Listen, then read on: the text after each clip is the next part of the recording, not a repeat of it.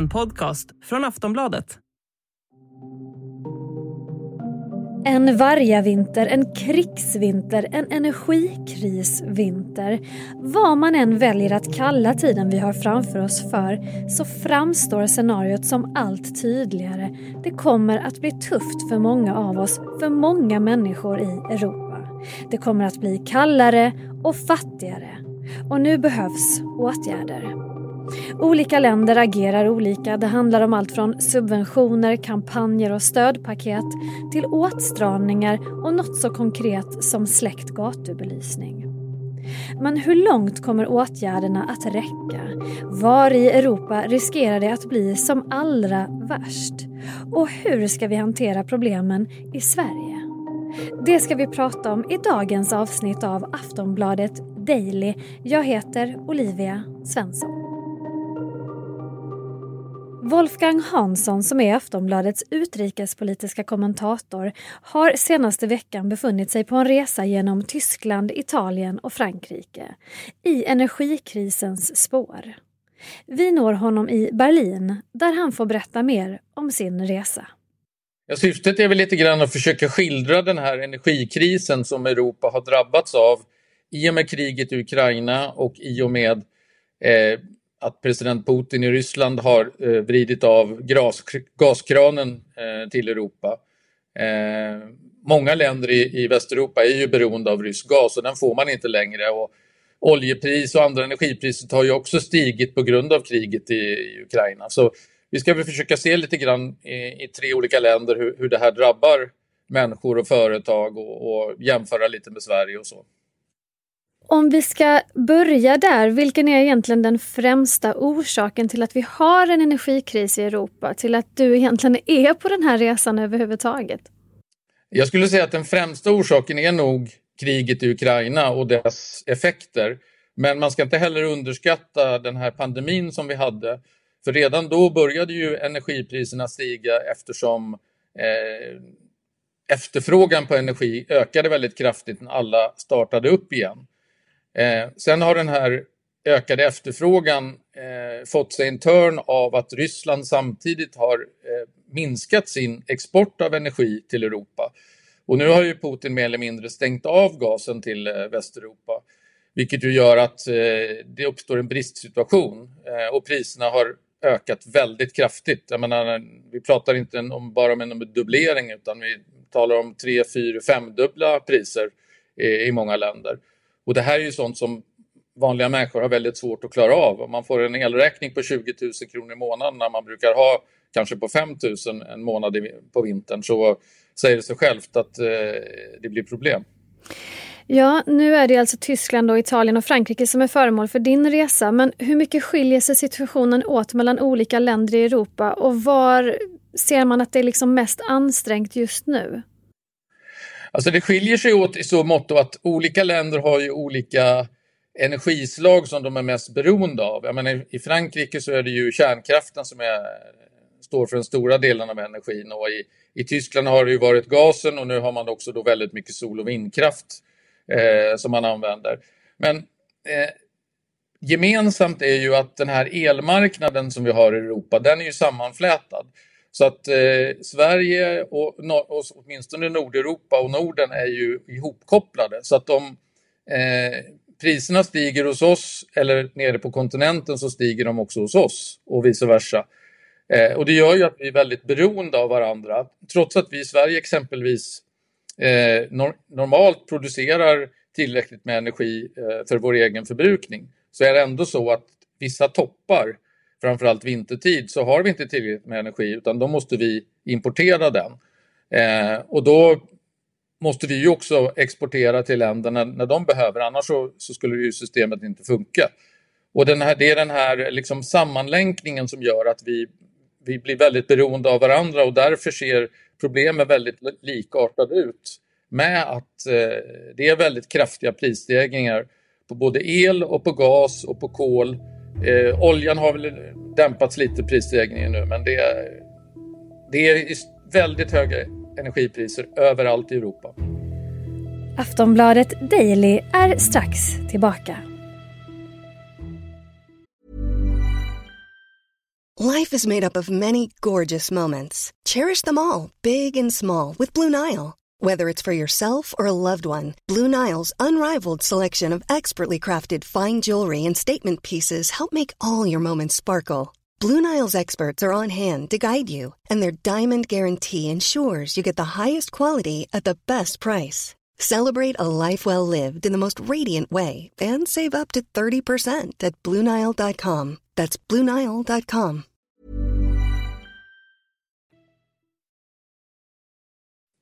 Och vad säger folk som du möter på den här resan om situationen? Alltså vanliga människor som, som nu drabbas av det här. Ja, de som vi har träffat här i Tyskland under de här dagarna, de är väldigt många är oroliga inför vintern.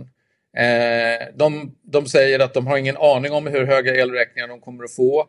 Eh, några har bytt elsystem eh, eller värme, värmesystem i sina hus till nyare, modernare. De som har råd att göra den investeringen och, och har kunnat hitta eh, nya värmepumpar och så vidare.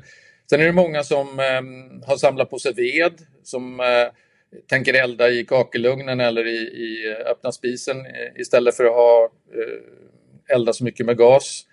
Eh, I Tyskland har man ju också ehm, stiftat lagar eller åtminstone tillfälliga regler som gör att man måste Eh, man ska släcka belysning på offentliga byggnader och, och helst och också i affärsbutiker och så efter klockan 10 på kvällen som ett sätt att eh, spara energi. Så att eh, det pågår en rad olika åtgärder men problemet är ju att det är väldigt mycket rysk gas här i Tyskland som ska ersättas med någonting annat. Och det är inte, det är inte så lätt att göra det.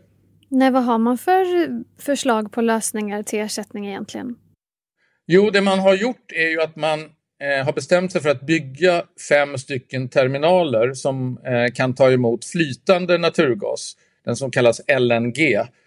Eh, och den kan, då, kan man köpa från var som helst. Alltså man kan köpa den från Qatar eller Förenade Arabemiraten, från eh, Nigeria, från USA. Var helst den här gasen produceras så kan den komprimeras och eh, lastas på ett skepp och sen köras till de här terminalerna i Tyskland. Eh, och vi besökte en så, sån terminal i, i Wilhelmshaven i norra Tyskland häromdagen där man då snabbbygger den här terminalen. Det, det brukar ta fem sex år att bygga en sån här terminal, sa de. Men nu så ska den vara klar på tio månader. Och det klarar man av genom att man har skippat en del av tillståndsprocessen och tagit bort byråkratiska hinder och man eh, stiftat en särskild lagstiftning och så vidare. Så att, och alla drar åt samma håll, för alla inser att eh, den här terminalen kommer att behövas om man inte ska behöva frysa i vinter. Och då räknar man med att man ska kunna ta emot de första fartygen med gas då i, i slutet på december. Eh, så det är ju en väldigt konkret åtgärd här i Tyskland. Och dessutom har eh, tyskarna återstartat ett antal eh, kolkraftverk som har varit avstängda eller som har varit på väg att stängas Eh, på grund av att man ville eh, fasa ut kolet eh, för att motverka klimathotet. Men nu har man gjort tvärtom där. Nu, nu säger man att nu är det viktigt att, att vi klarar de här närmaste vintrarna så nu kör vi igång de här kolkraftverken igen. Ehm, och vi besökte ett sånt också häromdagen nere i söder om Bremen och, och eh, de var ju väldigt glada att kunna köra igång igen men de har problem med att få fram tillräckligt med kol och de har problem att hitta tillräckligt med personal eftersom många har ju slutat och, och fått andra jobb. Eh, och de har problem med, med transporter. Eh, så att eh, de, just det kolkraftverket i alla fall kunde inte gå för fullt redan från start.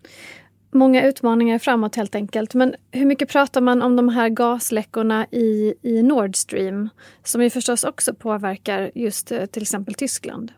Jo, det har ju varit jättestort här. Det har ju varit den stora nyheten eh, under flera dagar. Eh, och det är precis som många andra så spekuleras det ju vem som ligger bakom och det är väl många här i Tyskland precis som i, i Sverige och på andra håll som som misstänker att det är, är Ryssland som ligger bakom de här eh, sprängningarna som har konstaterats där nere. Eh, samtidigt var det ju så att eh, eh Nord Stream 2 hade ju aldrig startat ens en gång eh, och Nord Stream 1 hade ju eh, Ryssland mer eller mindre stängt av gasen helt och hållet så att, till Tyskland. så att rent energimässigt så, så spelade det inte så stor roll att de här eh, explosionerna inträffade eftersom det var redan så att Tyskland inte fick någon gas från de här. Och hur har dina tankar och dina analyser kring energiframtiden för Europa förändrats i och med den här resan? Nu har du några stopp kvar. Är det någonting som du eh, särskilt kommer att ta med dig eh, i dina analyser? Ja, alltså jag känner ju här, här i Tyskland så är det ju, finns det ju en helt annan känsla av brådska och skyndsamhet. Att, att man måste liksom ta itu med den här frågan på, på alla sätt. Alla ägnar sig åt 100 procent åt att lösa det här problemet. I regeringen, i företag och så vidare. Eh, det är liksom ingenting man, liksom, man, man lutar sig tillbaka och väntar och ser som det känns lite grann som att vi delvis gör hemma i Sverige i alla fall. Vi har ju stora problem i Sverige med överföringen av el från norr till söder och det har vi ju vetat länge. Och ändå så kommer man inte igång eh, ordentligt med att bygga ut det här beroende på att det krävs eh, en massa tillstånd och det överklagas och så vidare. Och det löste man ju här i Tyskland helt enkelt genom att stifta en lag där man inte längre kunde överklaga på samma sätt utan man drev igenom det här på rekordtid eh, och, och kanske nu då kan klara sin energiförsörjning. Och man skulle ju önska att något liknande, en liknande känsla och, och lite mer jävlar anamma kunde liksom eh, noteras i Sverige också. För att jag tror inte riktigt vi har förstått hur, hur, hur allvarlig den här krisen är. Och man kanske får anta och förmoda att situationen kommer att kräva att många länder i Europa går ihop och tittar på gemensamma lösningar och tittar på hur man ska liksom se till att den här situationen ändå eh, kan bli någorlunda okej okay för människor i vinter. Har du några förhoppningar åt det hållet, att, att, att det kommer att finnas en samsyn på, på hur vi ska lösa situationen? Ja, det, det har jag därför att eh, EU, inom EU och EU-kommissionen de driver ju den här frågan väldigt hårt och man pratar om gemensamma inköp av energi och så vidare för att få ner priser och för att eh, kunna skriva långa kontrakt så att man, att man försörjer eh, Europa under en längre tid med energi. Så att eh, viljan finns nog men Problemet är ju att eh, det, det, ofta, det tar ofta väldigt lång tid att eh, komma fram till gemensamma beslut där alla är ense, som man ju måste vara i EU. Och tiden är ju väldigt knapp. Eh, jag menar framåt november då börjar det bli ordentligt kallt och det är ju egentligen då som energibristen kommer att sätta in på allvar. För i dagens läge är det ju egentligen inte någon stor brist eh, på energi det är bara det att det är väldigt höga priser så att som företag här i Tyskland till exempel, det är många företag som hotas av konkurser därför att de kan inte betala de höga elräkningarna. Det är en, en känd toalettpapperstillverkare här som ju tjänade jättemycket pengar under coronakrisen när alla hamstrade toapapper men som nu har så höga el och gasräkningar att de har varit tvungna att begära sig själva i konkurs. Så att det är väldigt mycket konkreta problem som kräver lösningar mer eller mindre direkt medan den här politiska processen den eh, löper på ganska långsamt. Sist här hörde vi Wolfgang Hansson, utrikespolitisk kommentator på Aftonbladet. Jag heter Olivia Svensson och du har lyssnat på ett avsnitt av Aftonbladet Daily, Sveriges största nyhetspodd. Vi hörs snart igen. Hej då!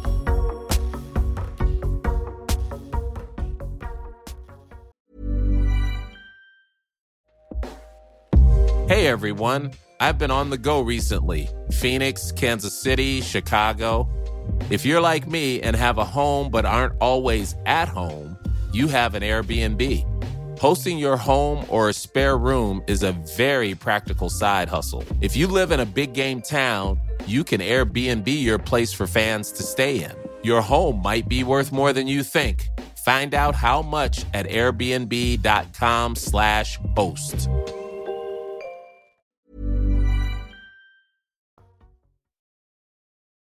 Du har lyssnat på en podcast från Aftonbladet.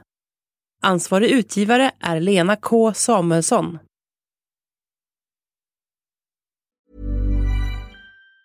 Tired of ads barging into your favorite news podcasts?